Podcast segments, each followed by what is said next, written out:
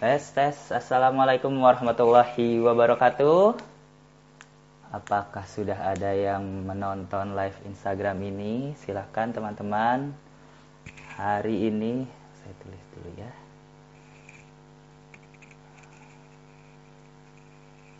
Peringatan.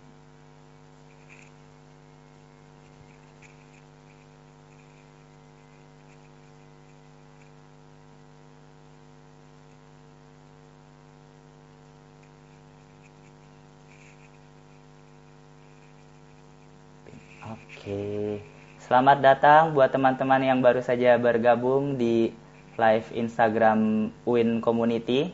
Ya, kali ini mungkin teman-teman kemarin pernah ada yang menonton ngabuburit ngabuburit time bareng Win Community. Nah, kali ini walau sudah bukan di bulan puasa gitu kan, bukan di bulan Ramadan lagi, tapi kita tetap ngabuburit.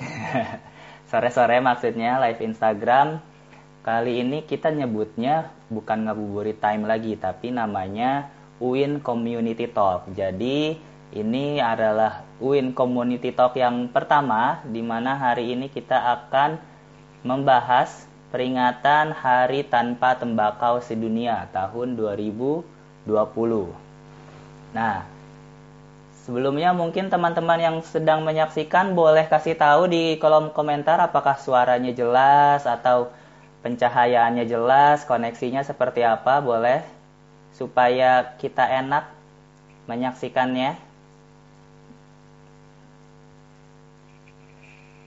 Ya.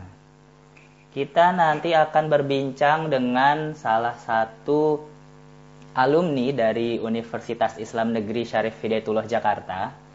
Ya, beliau itu merupakan alumni program studi kesehatan masyarakat Ya, ia juga merupakan Kepala Departemen Kajian Isu dan Aksi Strategis Himpunan Mahasiswa Program Studi Kesehatan Masyarakat yang pertama.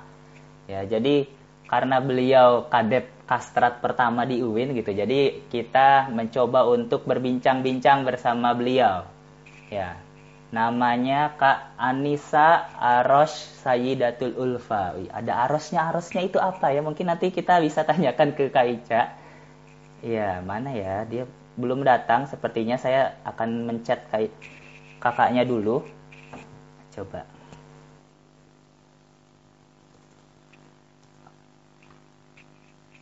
Oke. Silakan teman-teman juga boleh ya menyebutkan asal UIN-nya dari mana nih? Ya dan apakah teman-teman masih kuliah online atau sudah liburan gitu kan? Ya karena sepertinya beberapa masih banyak yang kuliah online ya belum libur. Ada kadang-kadang kuliah online itu ada enaknya ada nggak enaknya ya. Salah walaupun mungkin kayaknya teman-teman banyak yang mention atau nge-DM ke Win Community itu katanya lebih banyak nggak enaknya. Soalnya gara-gara itu kuliahnya bisa jadi malam-malam atau kuliahnya bangun tidur langsung kuliah gitu. Tapi enaknya mungkin nggak perlu mandi dulu ya sebelum kuliahnya. Wah selamat datang nih ada teman kita Muhammad Indilah dari UIN Raden Intan, Intan Lampung. Wah masih kuliah daring katanya. Oke Nah narasumber kita sudah hadir. Nah kita menunggu ya. Nah sudah masuk belum ini Wah, assalamualaikum kak. Waalaikumsalam. Wah, kayaknya rame banget itu di rumahnya ya. Iya, rame. Lagi rame-rame kak. Oh, lagi rame-rame. Apa ini sedang sedang memperingati Hari Tanpa Tembakau Sedunia bareng-bareng ya sama keluarga dan adik-adik di rumah. di rumah. Iya, di rumah ya. Oke, Kak Anissa sudah sudah nyaman kondisinya, sudah bisa dimulai atau sedang ada yang masih dipersiapkan headsetnya mungkin atau lightingnya gitu kan supaya kayak youtuber youtuber gitu mukanya glowing glowing. sudah sudah sudah oke okay, okay. ya. Dan teman-teman juga boleh uh, silakan komentar di kolom komentar di bawah ya jika teman-teman ada pertanyaan juga di situ ada fitur question jadi teman-teman bisa untuk ngecek gitu ya, untuk bertanya kepada Kak Anissa. Nah, mungkin sebelumnya kita mulai dulu dengan basmalah ya Kak Anissa. Ya, siap Kak. Ya, kan namanya juga anak Universitas Islam Negeri gitu. Jadi harus pakai basmalah dulu. Kita awali dengan basmalah Bismillahirrahmanirrahim. Oke. Nah, teman-teman mungkin sedikit sebelum kita ngobrol-ngobrol sama Kak Anissa nih saya mau menyampaikan atau sedikit menjabarkan apa itu hari tanpa tembakau sedunia gitu ya. Jadi teman-teman memang kenapa ada hari tanpa tembakau sedunia itu sejak majelis WHO ya eh, organisasi kesehatan dunia yang perkumpulan negara-negara ngebahas kesehatan gitu.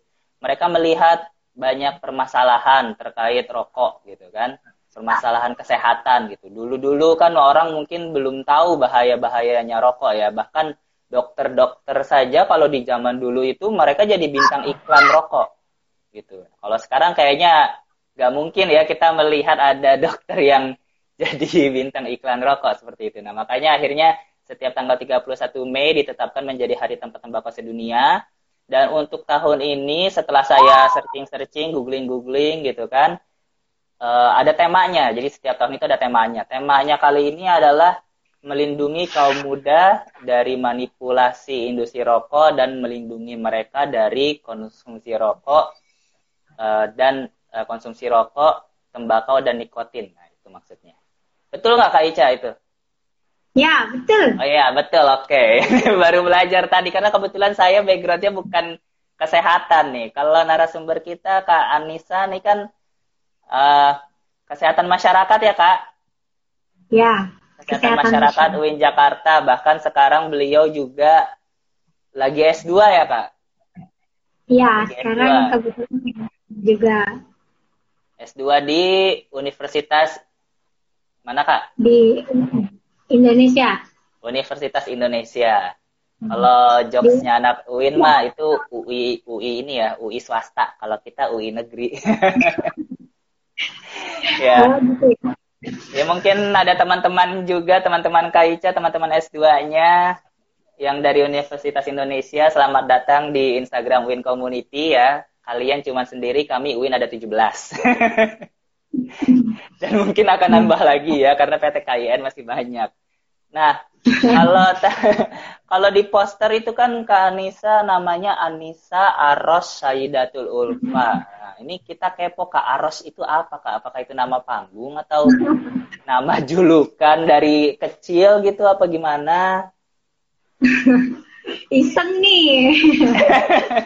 kan saya melihat aja di apa tuh namanya di posternya seperti itu gitu kan teman-teman mungkin bingung Aros itu apa gitu. Jarang-jarang orang Indonesia namanya Aros. ya, jadi Aros itu sebenarnya dulu uh, saya ikut paduan suara mahasiswa. Oh, paduan suara. Ini uh, nah, PSM, Kak.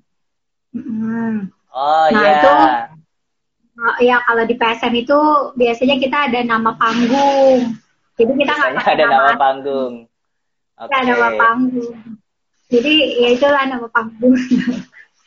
Nih teman-teman dari PSM ada yang nonton juga nggak, Kak Anissa? Mungkin bisa diajakin. Kak Anissa dulu di UIN itu angkatan berapa ya, Kak? Dulu aku angkatan 2012. Oh, angkatan Masuknya 2012. 2012. Masuknya 2012. Berarti sudah 8 tahun ya. Sejak kuliah uh, di UIN. Terus S2 kemarin masuk tahun kapan itu, Kak? Uh, kemarin masuk 2019. Oh, 2019. Iya, oh, berarti masih ini ya. Sekarang semester semester 2 berarti. Ya, baru semester 2. Semester 2. Berarti masih bisa jadi maba lagi ya. ya, ya. Kuliahnya gimana Kak kalau di kampus sebelah itu kan sekarang lagi WFH nih gitu. Apakah ya. sama gitu lewat WhatsApp atau lewat Zoom biasanya kan? Ya, ya sama aja. Jadi uh, lewat Zoom atau uh, kita biasanya ada platform khusus Microsoft Team yang oh, resminya oh, Microsoft, Microsoft Team. Team, yang resminya Microsoft nah, Team. Tapi banyak juga kalau misalnya ada dosen tamu, biasanya kita pakai Microsoft, eh, pakai Zoom atau Google Meet, Webex, pokoknya cari-cari yang ter, ter apa ya, teramah mahasiswa, teramah mahasiswa. Yang paling ramah mahasiswa ya. Kalau biasanya kuota sampai jaringannya gitu. Ah iya dari kuota sampai jaringan iya betul. Mungkin nanti lain kali kuliah lewat ini kak. Instagram live gini kan lagi ngetren nih ya. Bahkan mungkin di bahkan mungkin di bagian atas teman-teman Winners ini bukan cuman kita yang lagi nge-live, mungkin ada 5 dan 6 akun yang lagi live Instagram rame-rame ya. Ini kayak kalau di TV itu udah kayak prime time-nya ya, jam 4 sampai jam 5 gitu kan apalagi kemarin mah puasa. Itu mungkin sekarang juga tadi kebetulan kita dapat kabar dari Winners juga yang di Mataram. Kebetulan kita ada Win Mataram juga ya di Mataram. Itu lagi lebaran topat katanya. Jadi setelah puasa Ramadan tuh mereka satu Syawal kan lebaran nah dua Syawal dan seterusnya mereka langsung puasa Syawal enam hari. Nah itu sudah beres oh. kan jadinya sekarang lebaran topat. Kalau Kak, Kak Nisa oh puasa Syawal juga langsung lagi lebaran topat juga nggak sih? Iya lagi lebaran ada keluarga datang. oh ada keluarga datang. Wah berarti ini dong. Keluarganya dari mana? Dari zona merah jangan-jangan. Enggak deket-deket kok. Oh kalau masih masih ini ya masih sedaerah ya jadi masih aman ya. Mm-hmm. Oke okay, Kak Anissa nah dulu kita pengen tahu juga nih Kak Anissa dulu itu kan eh, tadi menyebutkan di UKM Paduan Suara Mahasiswa ya PSM, hmm. kemudian juga sudah jelas Kak Anissa ini Ketua Departemen Kajian Isu dan Aksi Strategis yang pertama di HMPS Kesmas UIN Jakarta. Selain hmm. PSM dan HMPS Kesmas itu Kak Anissa apakah mengikuti organisasi mahasiswa yang lain? Uh, ikut dulu itu uh, saya ikut uh, paduan suara itu selain di PSM di fakultas juga. Terus oh, di fakultas HM. juga ada ya. Fakultas namanya apa itu, Kak? Kalau di fakultas? Di fakultas dulu namanya Pasifik. Sekarang oh iya, Pasifik. mentang-mentang dulu sekarang ganti nama gitu ya namanya. Oh, kan ganti fakultasnya ganti kan katanya. Oh iya, fakultasnya ganti. Emang Pasifik itu singkatan ya? Akronim ya, akronim. Akronim, akronim. Kepanjangannya apa? Suara FKIK. Oh iya, paduan suara FKIK. Nah, sekarang gara-gara fakultasnya me mengembangkan diri, ya. mengembangkan diri, jadi ada fakultas kedokteran dan fakultas fakultas ilmu kesehatan gitu ya. Atau mungkin fakultasnya aja ya, dosen-dosennya yang pisah tapi paduan suaranya tetap gabung kali ya Pasifik. Masih masih sama. Selain Pasifik apa lagi kayak Kak Anissa? Uh, aku dulu ikut ini juga Satgas GAN. Satgas, Satgas GAN, gerakan anti narkoba ya. Uh, terus uh, ikut juga ini terakhir semester semester akhir tuh Genbi, Genbi. Genbi. Enggak apa yang beasiswa bahas uh, Bank Indonesia itu bukan? Iya. Oh iya, oh berarti oh berarti Kak Anissa ini termasuk mahasiswa berprestasi dong. Soalnya dulu itu masih masih bisa ini di sana masih bisa seluruh fakultas. Jadi dulu kan daftar oh. terus kita kalau sekarang nggak bisa ini yang mahasiswa kesehatan masyarakat. Nggak bisa. Oh, dulu bisa. Kapan, terakhir itu ada persyaratan nggak boleh mahasiswa selain apa gitu. Pokoknya hmm. yang itu deh kayaknya. Kira-kira kenapa tuh? Apakah ada masalah UKT aja? Ya enggak lah. Kemahalan ya. Artinya sih lebih itu kan organisasi juga kan? Oh, nanti iya, betul. kita ya, mengabdi untuk negerinya itu sebenarnya. Hmm, iya iya Mungkin untuk teman-teman Kesmas jangan berkecil hati masih banyak beasiswa-beasiswa yang lain ya. Nah aja.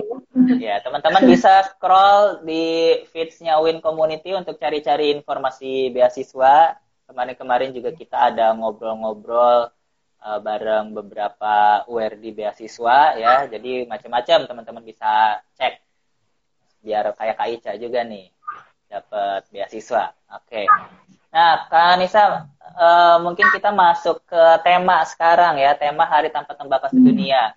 Ya, nah, mungkin saya sapa dulu nih teman-teman yang winners yang baru datang atau mungkin yang bukan anak win juga nggak apa-apa ya. Lebih bagus malah. Jadi bisa banyak kampus kumpul di sini ya. Eh, selamat datang. Ini kita sedang Win Community Talk melaksanakan Win Community Talk yang pertama dalam rangka memperingati Hari Tanpa Tembakau Sedunia tahun 2020. Ya, oke, okay. kita kembali ke Kak Anissa. Kak Anissa dulu ketika jadi mahasiswa gitu kan, uh, terkait apa nih, tanpa tembakau itu disebutnya apa ya kak biasanya?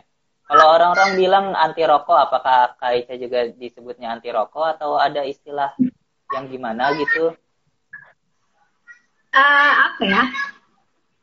Uh, pegiat kayak apa pegiat? Pegiat. Ya kalau anti rokok ya harus anti rokok karena uh, kalau mahasiswa kesehatan masyarakat dari awal sudah didoktrin untuk anti rokok gitu. Oh, dari awal ya. Berarti dari, dari pas ini, dari pas kalau sekarang namanya PBAK ya. Iya, PBAK. Dulu namanya MOPD, MOPD. Wah, pas dulu. Ya? Aku nggak tahu kan. Aku tahunya dulu opak. Ya, oh, opak, opak. Maksudnya opak ya. Opak Iya, jadi kita kenyang kalau ikut opak ya. Oke. Okay. Iya. iya Kak Anissa gimana dulu tuh? Kan katanya di doktrin. Waduh, bahasanya serem juga ya. Baru masuk kuliah di doktrin. Di doktrin untuk iya. Uh, tanpa tembakau gitu kan. Nah, itu seperti apa Kak Anissa? Mungkin apakah ada kegiatan tertentu gitu mungkin Kak Anissa belajarnya tentang uh, apa hari tempat tembakau ini tentang anti rokok gitu ya. Ya, jadi dulu itu pertama kali kita maba, itu kita udah sharing-sharing isu. Jadi pas opak itu kita ada sesi di mana kita belajar tentang pengendalian tembakau. Waktu itu pertama oh. kali uh, uh, tahun 2012 itu isunya tentang WTA.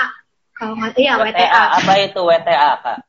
WTA itu World Tobacco Asia. Jadi oh, uh, itu sebenarnya acara se-Asia yeah. yang itu kegiatannya memamerkan mesin uh, mesin pembuat rokok otomatis kayak gitu. Jadi oh, jadi uh, pameran industri rokok begitu ya? Ya, pameran industri rokok.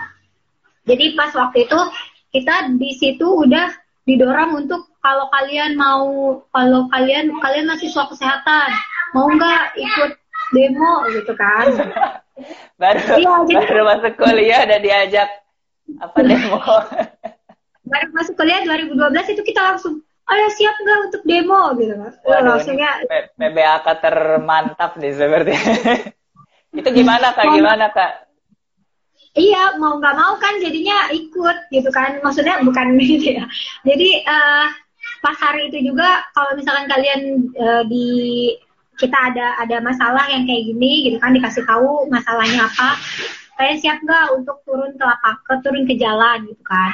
Terus setelah PBA eh, setelah MOPD itu setelah opak uh, terus kita ada kajian dulu terus kita ada hmm. sharing terus uh, kita pokoknya memantapkan isu dulu sebelum kita turun ke jalan makanya pada setelah setelah kajian-kajian habis itu kita baru demo lah demo waktu itu di di mana ya? di GBK bukan GBK apa sih JCC ya yang di Jakarta Convention Center ya ya di oh, JCC oke jadi bukan cuman ikut-ikutan ya bukan cuman ikut-ikutan senior tapi memang uh, belajar dulu apa akar permasalahannya, isunya hmm. gitu ya. Jadi iya. jadi ini ya ketika diajak pun akhirnya panggilan hati nurani ya Kak Anissa. Ya gitu. Ya mau nggak mau. Ya awalnya mungkin kita apaan sih cuma karena kita ikut kajiannya, karena hmm. kita ikut apa? Tahu isunya, tahu urgensinya, makanya di situ kita turun ke jalan pun kita turun ke jalan pun kita tahu apa apa apa maksudnya apa tujuan kita untuk turun ke jalan kayak gitu. Oke, berarti ini namanya aksi yang bertanggung jawab ya, Kak Anissa.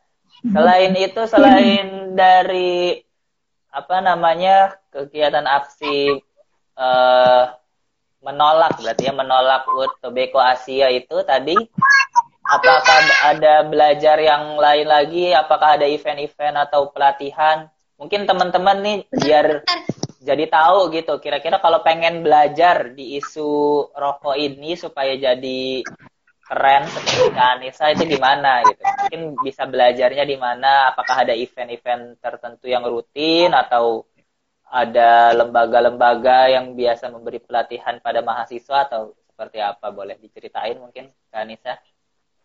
Ya, jadi sebenarnya awalnya itu aku ikut pelatihan.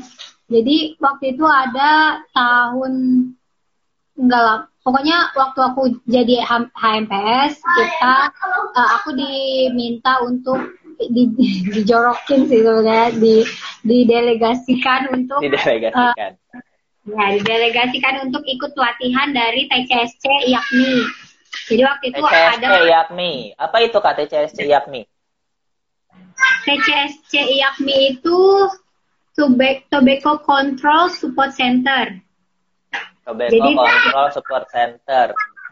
Jadi itu salah satu bagiannya IAKMI, Ikatan Ahli Kesehatan Masyarakat Indonesia untuk hmm. uh, apa?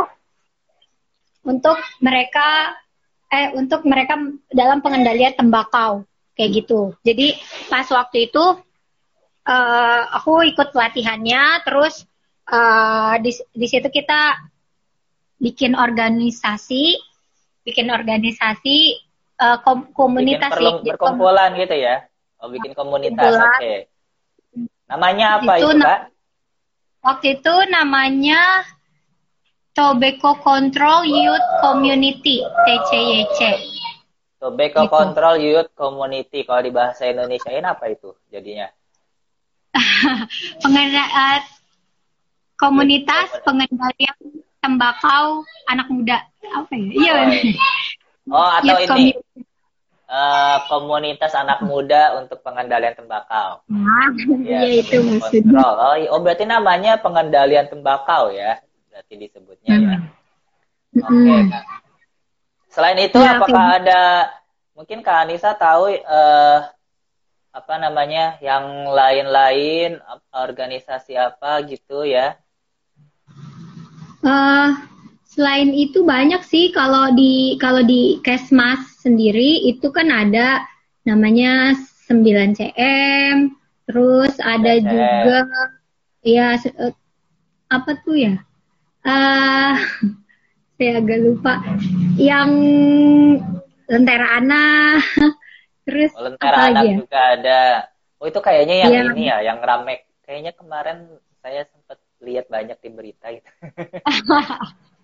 Iya, pokoknya banyak uh, ya, ya uh, apa organisasi sebenarnya yang memang concern di pengendalian tembakau. Cuma memang uh, banyak juga hatersnya. Jadi banyaknya itu nggak sebanyak komunitas yang memang fokus pada apa misalnya pada lingkungan gitu misalnya atau komunitas hmm. musik gitu itu kalau kalau pengendalian tembakau biasanya orang-orang yang apa ya yang mereka berjuangnya uh, ini aja gitu ikhlas aja soalnya kan memang ya uh, dia susah gitu buat berjuangnya gitu. jadi uh, memang belum terlalu banyak ya kak Anissa ya untuk komunitas pengendalian ya. bakal ya mungkin dengan kita live Instagram kali ini juga teman-teman jadi bisa lebih tahu komunitas-komunitas yang bergerak di pengendalian tembakau.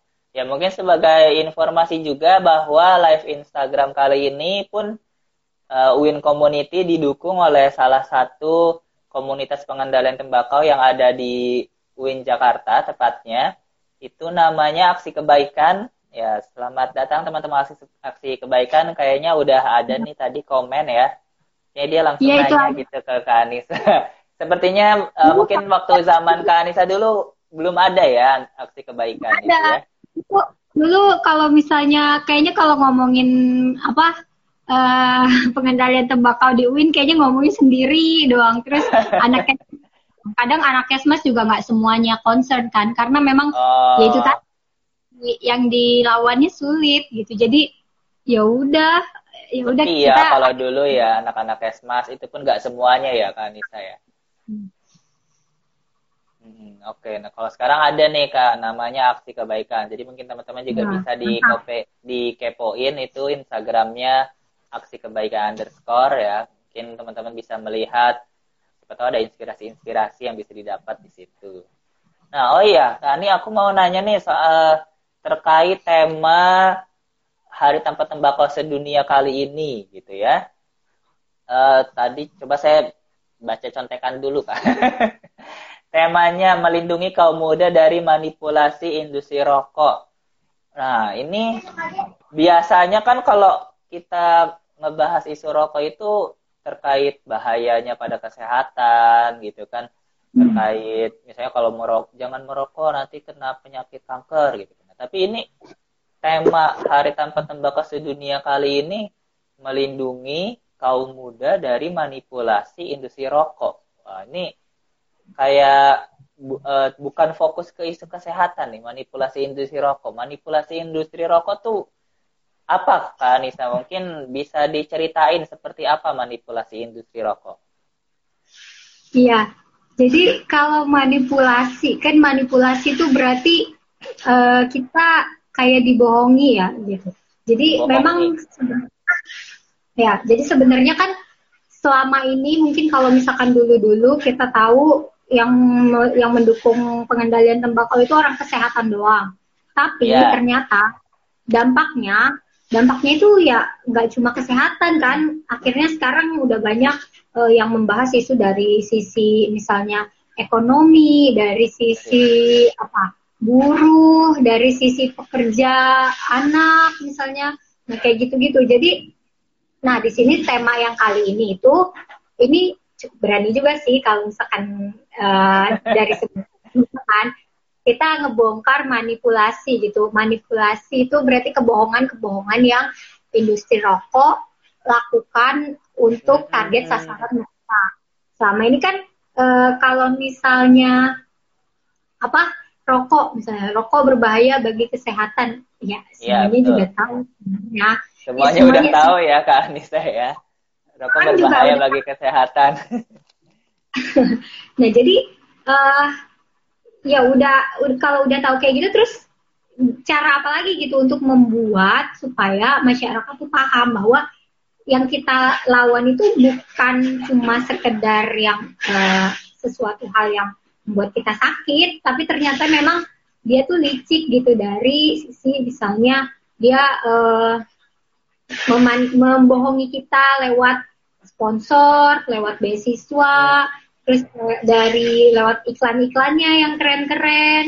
Itu kan uh, apa ya uh, apa jadi bikin kita ah itu ada kok kok di iklannya? Maksudnya itu iklan apa? Keren banget gitu kan. Kalau misalkan nggak nggak tahu itu rokok ya itu sebuah image rokok yang keren gitu kan.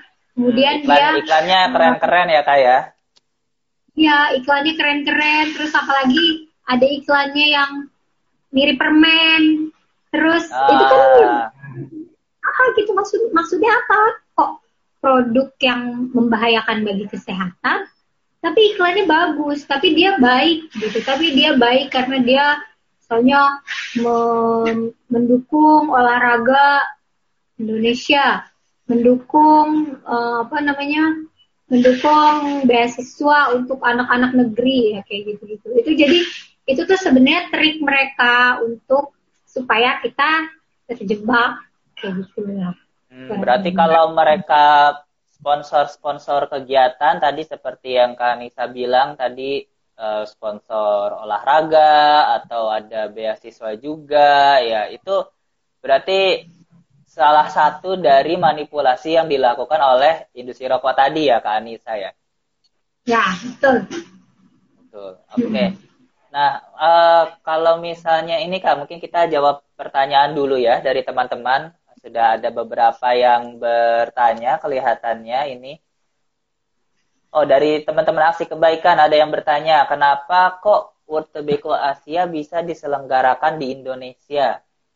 Nah, karena kan uh, industri rokoknya itu memproduksi rokok yang tidak normal. Itu nah, itu mungkin Kak Anissa tahu kenapa kok bisa ada World Tobacco Asia waktu itu di Indonesia? Ya, jadi dulu itu dibilang kan karena uh, itu kan se-Asia ya, se-Asia.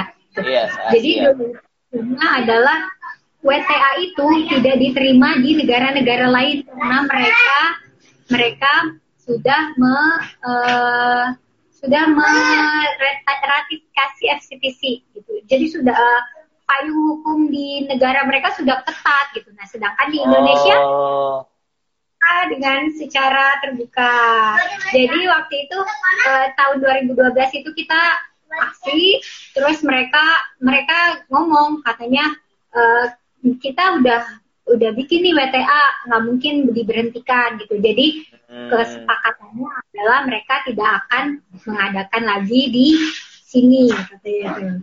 Ternyata tahun 2015 ya kalau dia ganti nama dan ganti lokasi gitu. Oh. Jadi dia tetap aja ngelaksanain di Indonesia. Jadi memang gemes juga sama pemerintah Indonesia. apa ya? Kayaknya emang surga banget gitu buat nge, apa buat industri rokok tuh ayo ayo datang ke Indonesia gitu kan. seperti ayo, ini ya, seperti puisi yang terkenal itu Tuhan 9 cm ya. iya, kayak gitu. Jadi ya memang ya negara kita memang baik banget. gitu Berarti itu awalnya karena World Tobacco Asia itu tidak diterima di negara-negara Asia yang lain, tapi uh, akhirnya Indonesia yang menerima itu ya karena tadi ada apa meratifikasi uh, eh, FCTC. Apa payung hukum itu tadi? Oh, aturan ya. Jadi aturannya belum ketat di Indonesia ya Kak, Anissa. Jadi sedih juga sih ya di negara-negara lain ditolak gitu kan e, produknya juga tadi sudah dibilang tidak normal tapi ternyata yang di negara lain ditolak di Indonesia akhirnya mereka bikin pameran sudah gitu tadi Kak Anissa jadi curhat mereka bilang mereka bilang ketika Kak Anissa demo uh, mereka bilang tidak akan menyelenggarakan lagi, tapi ternyata mereka menyelenggarakan lagi ya. Ya, tapi bukan di Jakarta memang. oh, bukan di Jakarta, di mana waktu itu kak? Ada tahu bukan informasinya di... mungkin? Di Bali. Jadi kita nggak bisa demo ke sana deh iya, jadi mungkin gantian kak yang aksinya ya. iya, oke. Okay. Nah, ada juga nih pertanyaan lain dari Irfan Irfan Moh MD, Irfan Muhammad mungkin ya. Bagaimana kaitan merokok dengan wabah COVID katanya? Iya. Uh, jadi Anissa nih kesehatan masyarakat nih, jadi pas lah kita bertanya sama ahli kesehatan masyarakat Indonesia. Ya, jadi kalau sebenarnya kaitannya uh, perilaku merokok dengan dampak rokok itu sangat berpengaruh terhadap COVID. Pertama, perilaku merokok. Jadi waktu itu saya dapat insight dari teman-teman yang merokok. Jadi waktu itu kebetulan saya lagi penyuluhan di sebuah kampung di Kabupaten Bogor untuk sosialisasi COVID. di Kabupaten Bogor berarti ya tinggalnya ya. Bogor. Nah di sana itu kita kerja sama sama stand up comedy. Oh, gitu. stand up comedy. Ya, oh, jadi kan jadi kita sosialisasinya dengan stand up comedy ya kak? Iya, jadi supaya mudah dimengerti sama masyarakat kan. Jadi uh, media edukasinya macam-macam gitu. Salah satunya itu dengan stand up comedy. Nah di situ dia bilang bahwa memang perilaku merokok itu sangat berisiko. Kenapa? Karena jadi dia bilang kan rokok itu misalkan kayak gini terus kita ngambil misalnya kalau misalkan tangan kita ini ada virus ngambil ngambil kan ini yang bagian dihisapnya kan nah ambil itu rokoknya tuh, maksudnya ya kak ya? Ngambil rokoknya. Jadi tangannya kalau misalnya di sini tangannya ada virus terus kita ngambil kita ngambil ujung rokoknya terus dihirup nah itu berarti masuk tuh. Nah itu berarti perilaku rokoknya itu ya dia juga berisiko untuk tertular. Jadi tertularnya itu dari dia ngambil ya karena emang kan yang rokok gimana lagi masa ya diambilnya di di kocok di mana gitu kan ya memang kayak gitu kan karena kayak ini gitu. ya terkena apa kontak langsung dengan tangannya kemudian ke mulutnya nah, seperti itu ya kayak ya? nah, kontak langsung kontak langsung tangan jadi uh, si virusnya di sini terus dia masuk ke mulut itu kan berarti ada ada kemungkinan tertularnya risikonya lebih tinggi daripada kita misalkan yang memang uh, nggak ngerokok gitu kan. Terus selain itu dari dampaknya, jadi kan rokok itu uh, oke okay, sekarang kita nggak usah ngomongin covid, dia merokok doang aja udah berdampak bagi paru-paru, uh, iya, kesehatan betul. dan gitu kan. Jadi nah, faktor risiko untuk penyakit-penyakit berbahaya ya rokok itu ya kan risiko untuk penyakit uh, yang lain-lain gitu, uh, penyakit akibat rokok. Misalnya. Nah, apalagi ada virus, virus, virus corona itu kan masuknya ke paru-paru, dia menyerang uh, paru-paru kita, dia membuat lendir, terus dia uh, apa menginfeksi gitu. Jadi uh, kalau kita merokok, kita juga berisiko untuk uh, apa adanya penyakit penyerta dari COVID. Penyakit penyerta. penyakit penyerta penyakit, itu istilah apa itu kak? Penyakit penyerta itu misalnya kita paru-parunya udah rusak. Ya. Terus kita tertular COVID, ya makin hancur lah tubuh kita. Ah, maksudnya itu ya, jadi uh, penyakit, maksudnya penyakit di tubuhnya jadinya bukan cuma satu gitu ya kak ya? Ada penyakit iya. lainnya ya yang memperparah ya. itu. Ya, jadi uh, memperparah penyakitnya kayak gitu kan sekarang kan banyak orang yang bilang COVID itu nggak berbahaya gitu kan. Ada yang ada yang kena COVID, ada yang kena ada yang tertular virus COVID tapi dia nggak sakit. Ya itu mungkin karena dia badannya sehat gitu. Tapi kalau misalnya kita punya penyakit penyerta itu, misalnya paru-parunya udah rusak, terus dia udah ada asma, dia ngerokok pula, Nah, itu bisa memperparah uh, sakitnya dia gitu. Oke oke. Nah ini kita jadi dapat insight tambahan nih ya tentang uh, pandemi COVID-19 ya dari hmm. Anita nih. Nah, oke kita kembali ke tema tadi tema Hari Tanpa Tembakau Sedunia terkait melindungi kaum muda dari manipulasi industri rokok. Nah, tadi Kak Anissa cerita tentang uh, beberapa manipulasinya itu iklannya yang keren-keren ya Kak ya. Kemudian yeah. ada uh, sponsor olahraga, sponsor uh, apa, apa lagi uh, beasiswa ya Kak ya. Oke, nah menur kalau menurut Kak Anissa sendiri uh, apa sih urgensinya gitu kita uh, untuk apa tadi namanya melindungi kaum muda dari manipulasi industri rokok itu kan. Bahkan karena kan mungkin sekarang kita e, banyak melihat gitu kan namanya anak muda kan pengen mencoba banyak hal gitu kan. Nah, kenapa harus dilindungi dilindungi dari kan kalau misalnya olahraga sponsor olahraga berarti kan olahraga itu sehat gitu misalnya. Terus beasiswa untuk dana pendidikan. Nah, kenapa sih kita harus mencegah dari hal-hal yang seperti itu, mencegah dari sponsor-sponsor industri rokok itu, Kak Anissa? Hmm. Jawabannya singkat sebenarnya. Generasi muda, generasi muda itu penerus bangsa. Udah nggak ada lagi. Generasi muda itu jadi, penerus bangsa. Terus gimana coba dielaborasikan ya, gitu? Tenang, tenang, sabar, sabar. Jadi gini, kan kalau misalnya uh, sekarang itu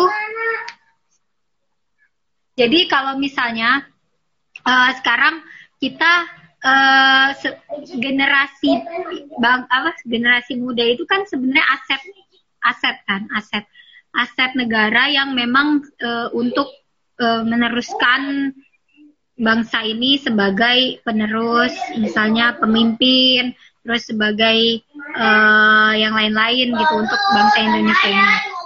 Nah, kalau misalnya dia sudah terjerat sama industri rokok dengan dia misalnya merokok atau dia uh, ya dia bergabung sama industri rokok kayak gitu nah itu dia uh, berarti udah salah satu poin hidupnya sudah hilang menurut saya.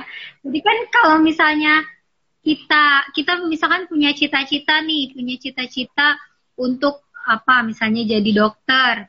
Tapi yeah. kalau misalkan kita sakit, kita nggak mungkin bisa dong. Sedangkan sedangkan rokok itu kan memang nggak kelihatan kan. Mungkin sekarang aja misalkan yang pada ngerokok itu nggak kenapa-napa gitu. Tapi kita nggak tahu uh, risiko risiko dia merokok dampaknya itu bakal muncul berapa tahun lagi gitu. Jadi uh, kalau urgensinya sangat ya sangat uh, generasi muda ini apalagi kita sekarang ini mau jadi uh, apa bonus demografi. Kalau misalnya itu kita bisa capai terus mereka generasinya sehat itu kita bisa uh, menjadi negara yang kuat gitu kan negara yang maju. Karena kita pemudanya banyak yang nerusin yang nerusin negara ini banyak kayak gitu. Tapi kalau misalnya negara eh negara. Anak-anak mudanya sakit dari sekarang udah ngerokok belum lagi makan makanan tidak sehat belum lagi mager. Uh, itu udah kompleks tuh. Semuanya semuanya kerjaan anak muda itu sekarang. Nah itu mau kayak gimana gitu? Bonus demografi yang akan kita capai itu siapa yang mau tanggung kayak gitu. Jadi uh, apa ya bisa bukan bisa jadi bukan bukan akan menjadi bonus demografi tapi akan menjadi beban demografi gitu kan. Karena uh, ngelihat dari misalnya dampaknya kemudian diukur oh kira-kira 10 tahun lagi terus dia udah ngerokok dari misalnya dari SMP misalnya dari usia 13 tahun. 10 tahun lagi oke okay, jangan 10 tahun deh kecepatan 15 tahun. 15 Nih, tahun lagi dari dampak merokoknya ya kayak ya? Misalnya ya itu 20 28 gitu 20 umur 28 tahun udah bisa apa sih? Maksudnya dia lagi semangat semangatnya dia lagi energik energiknya dia lagi masa-masanya untuk dia berkarya berinovasi dia bekerja keras gitu kan untuk negara ini misalnya. Tapi dia udah sakit ya siapa yang mau nanggung kalau kayak gitu? Repot lah pokoknya. Oke, berarti kalau aku simpulkan uh, kenapa kita harus mencegah ya? mencegah dari uh, manipulasi industri ya. rokok yang terkait sponsor dari sponsor olahraga beasiswa karena itu bisa uh, membuat orang-orang jadi tergoda untuk merokok seperti itu ya kak ya Iya, jadi tergoda untuk merokok. Kemudian kalau udah merokok, dia akan kecanduan terus, akan kecanduan terus kalau misalnya udah kecanduan berhentinya susah banget. Habis itu ya udahlah dia akan uh, dia teradiksi. Nanti nanti dia bakal nggak tahu sih. Ya kita harus suzon. Kalau misalkan kita berperilaku berisiko kan ya dia ini apa ya dia harus nerima resiko dong atas apa yang dia lakukan gitu kan. Jadi kalau misalnya dia sakit ya jangan salahin negara kemudian. Ketika dia tidak menjaga kesehatannya sendiri kayak gitu. Hmm. Kan banyak yang bilang nih kak bahwa apa uh, kan ketika dia menerima misalnya uh, sponsor kegiatan olahraga gitu kan. Nah, berarti apakah Kak Anissa ada informasi bahwa kalau ikut sponsor-sponsor itu dia direkrut juga menjadi perokok atau seperti apa maksudnya Kak Anissa? Ya, kalau misalnya setahu saya sih ya kemarin, jadi ya sebenarnya mereka tidak ya tidak merekrut memang tidak merekrut, cuma kan di situ si industri itu menyampaikan pesan brand image yang baik eh yang baik. Misalnya uh, sponsor sponsor itu kan baik sebenarnya kalau misalnya di di di atlet ya misalnya atlet juga banyak yang udah banyak yang ngomong kita nggak disuruh merokok kita kan atlet kita kan olahraga masih yang merokok kita nggak ngerokok gitu hmm. nah tapi kita lihat di balik audisinya audisinya itu dia menampilkan brand yang memang sama persis seperti bungkus rokoknya Kan kalau udah kayak gitu. Dari tampilan-tampilannya ya kak ya. Tampilan-tampilannya.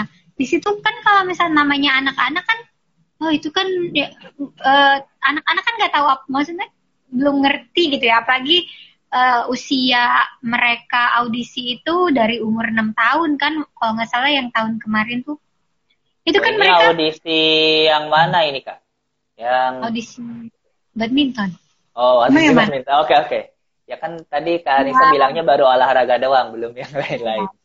Oh, contohnya badminton misalnya. Okay. Itu kan anak-anak belum tahu. Nanti kalau misalkan setelah dia misalnya usianya udah 15, 16 lagi mencari mencari jati diri.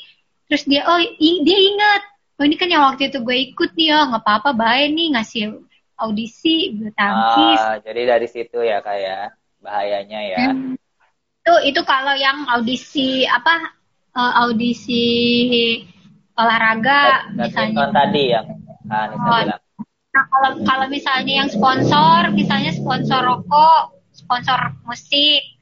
Gitu ya, kan? kalau sponsor musik gimana itu kak? Kan banyak tuh yang suka musik kan, dan ya memang musisi-musisi keren banyaknya sponsor dari industri rokok. Nah, itu kita gimana tuh Kak? Harus bagaimana kita harus menyikapi sponsor musik ya. dari industri rokok?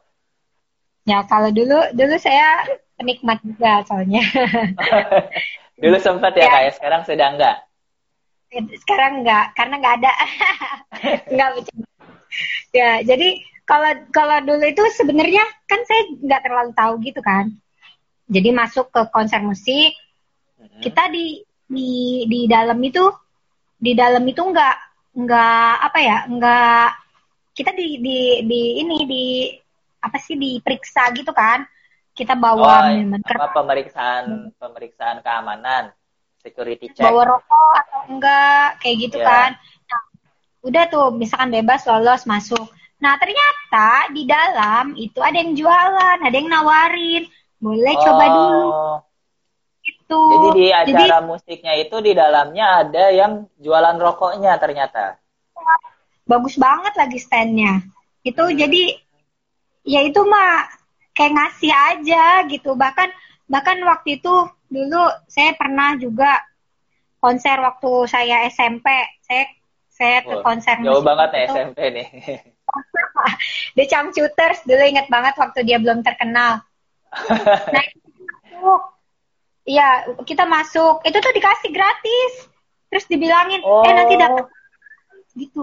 Ah, ya kan saya SMP ya.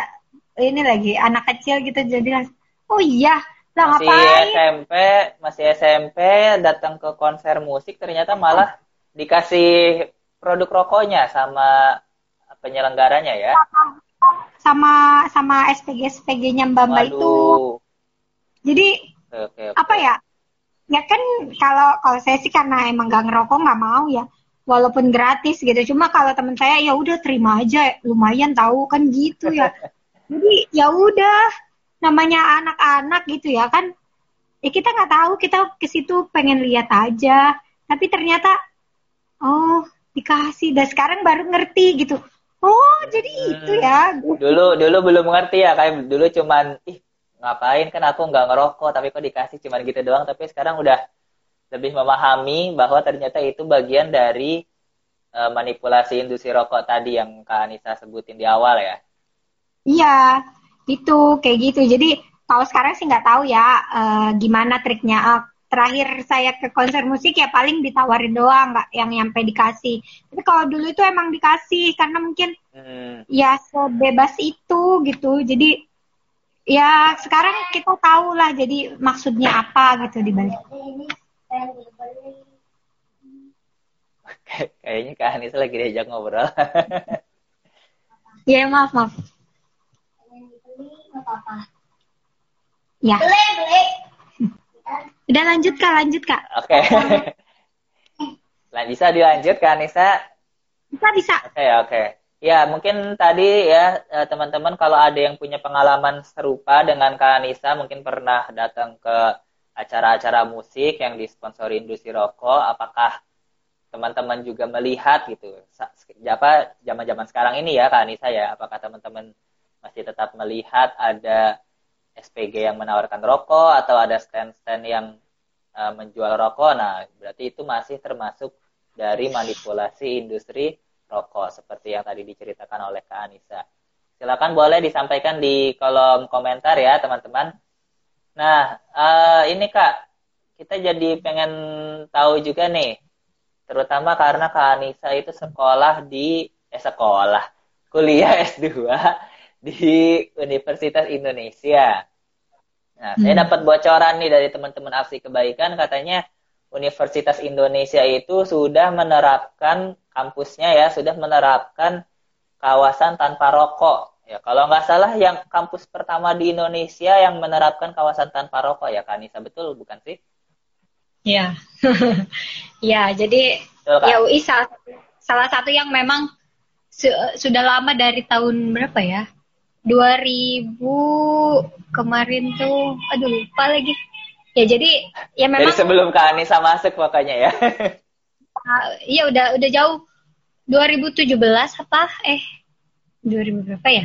Lupa pokoknya udah lumayan lama dan sekarang masih tetap ini masih tetap berjuang gitu bukan oh udah kawasan tanpa rokok berarti udah bagus banget enggak tapi masih tetap berjuang karena namanya peraturan lama kan kalau misalkan nggak diawasi tetap aja ya tapi ya ya karena mungkin karena memang kampusnya yang komitmen jadi memang selalu diawasi kayak gitu.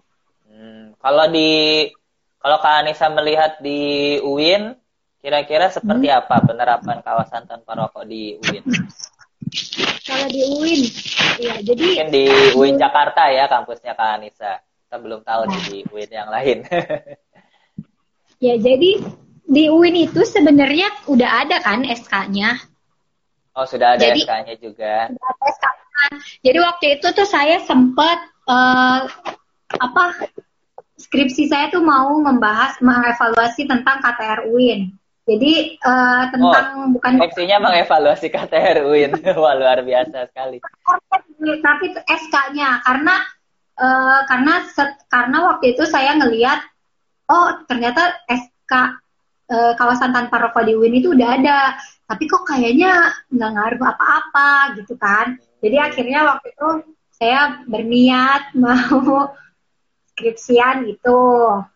Okay. Tuh uh, sampai pada tahap waktu itu ngobrol sama uh, rek eh rektor warek ya warek nah itu tuh oh. Ini skripsian aja sampai ketemu sama wakil rektor ya. Luar biasa kan. Ya kan karena itu topiknya.